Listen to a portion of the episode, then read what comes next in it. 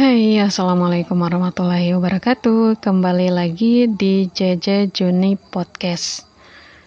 Di kesempatan kali ini saya mau bahas tentang apa sih yang harus kamu lakukan ketika anak kamu memukuli kamu.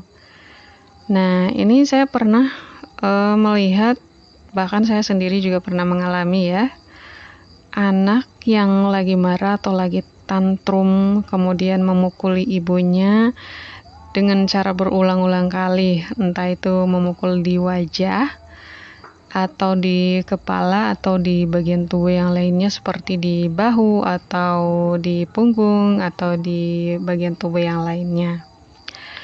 Dan beberapa dari orang tua juga bingung bagaimana sih menghadapi anak yang suka memukul orang tuanya.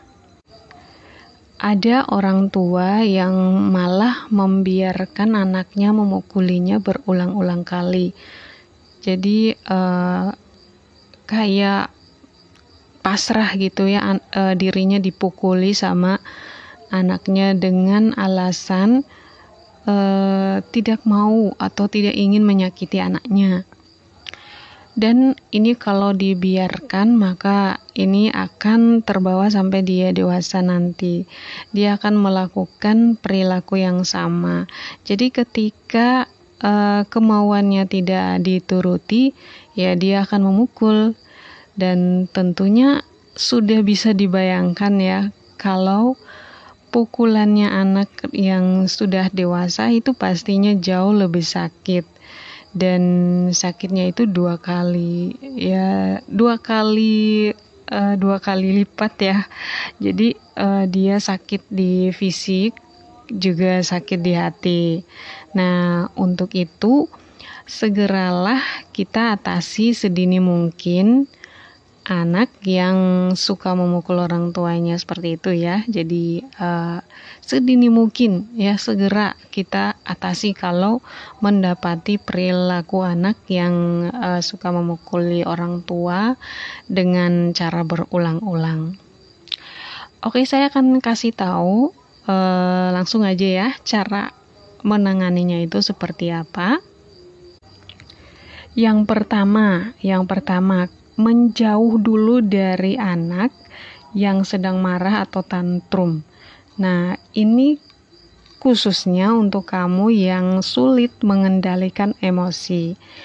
Jadi, tujuan tujuannya kamu menjauh dari uh, anak ini agar kamu bisa menge mengolah emosi kamu, kamu bisa mengendalikan emosi kamu sampai kamu benar-benar merasa rileks atau merasa sudah nyaman atau merasa sudah tenang, barulah kamu coba dekati anak yang uh, sedang marah itu dan uh, kamu membujuknya secara lemah lembut. Yang kedua yaitu memblok dengan tanganmu atau menghalangi pukulan anak dengan kedua telapak tangan atau terserah yang penting halangi pukulan anak dengan kedua tanganmu agar tidak terkena pukulan dari si anak ya. Nah, dengan cara ini kamu tidak perlu menyakiti anak. Begitu juga anak. Pukulannya itu tidak akan mengenai tubuh atau bagian tubuh uh, sebagai kamu sebagai orang tuanya. Jadi uh, memblok ini, memblok dengan tangan ini adalah salah satu cara untuk menghentikan anak uh, memukul uh, pukulan anak tadi ya. Yang ketiga, alihkan perhatian kepada sesuatu yang dia suka. Misalkan ajak dia bercerita tentang film kesukaannya atau dongeng kesukaannya, kemudian uh, bisa membuat suatu kesepakatan untuk bisa menonton bareng. Kalau ada waktu luang ya, jadi uh, kalian cari waktu luang, kapan uh, ajak dia untuk nonton bareng. atau uh, kamu bisa ajak dia ke liburan ke pantai atau ke taman atau ke taman bermain. Nah, gitu ya. Tapi ini syaratnya kesepakatan ini harus benar-benar terlaksana. Jangan sampai uh, anak di PHP-in ya. Yang keempat, yaitu membantu anak untuk meredakan emosinya. Nah, ini yang paling penting ya. Uh, kalau di awal tadi kita sudah berusaha untuk meredakan emosi kita, emosi diri kita sendiri. Nah, sekarang giliran kita untuk bantu anak untuk meredakan emosinya. Kenapa? Karena yang namanya anak-anak itu mereka tidak tahu caranya meredakan emosi mereka sendiri.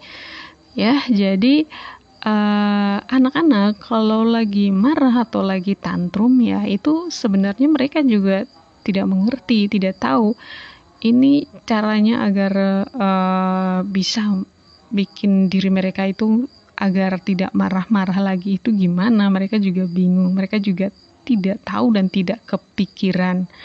Maka dari itu yang tahu caranya ya kita selaku orang tuanya Tugas kita adalah membantu anak agar bisa lebih tenang, uh, bisa lebih rileks, tidak marah-marah lagi, dan uh, tidak memukul lagi. Seperti itu. Jadi, uh, itu aja yang dapat saya sampaikan di podcast kali ini, dan kesimpulan yang dapat saya ambil pada pembahasan kali ini adalah Cara yang harus kamu lakukan ketika anak kamu memukuli kamu secara berulang-ulang. Yang pertama yaitu menjauh dulu dari anak beberapa menit sampai sekiranya emosi kamu mulai stabil. Barulah boleh dekati si anak dan bujuk dia secara perlahan. Yang kedua adalah memblok atau menghalangi dengan tangan atau dengan telapak tangan sehingga tidak terkena pukulan si anak. Yang ketiga adalah alihkan perhatian anak kepada sesuatu yang ia suka atau e, sesuatu yang merupakan hobi anak, kemudian e, buat kesepakatan untuk mengajaknya liburan. Dan yang terakhir, yang keempat, adalah membantu anak untuk meredakan emosinya, sehingga anak eh, akan menjadi luluh gitu. Oke, itu saja yang dapat saya sampaikan pada malam hari ini. Semoga bermanfaat. Terima kasih buat kalian semua yang sudah setia mendengarkan sampai selesai.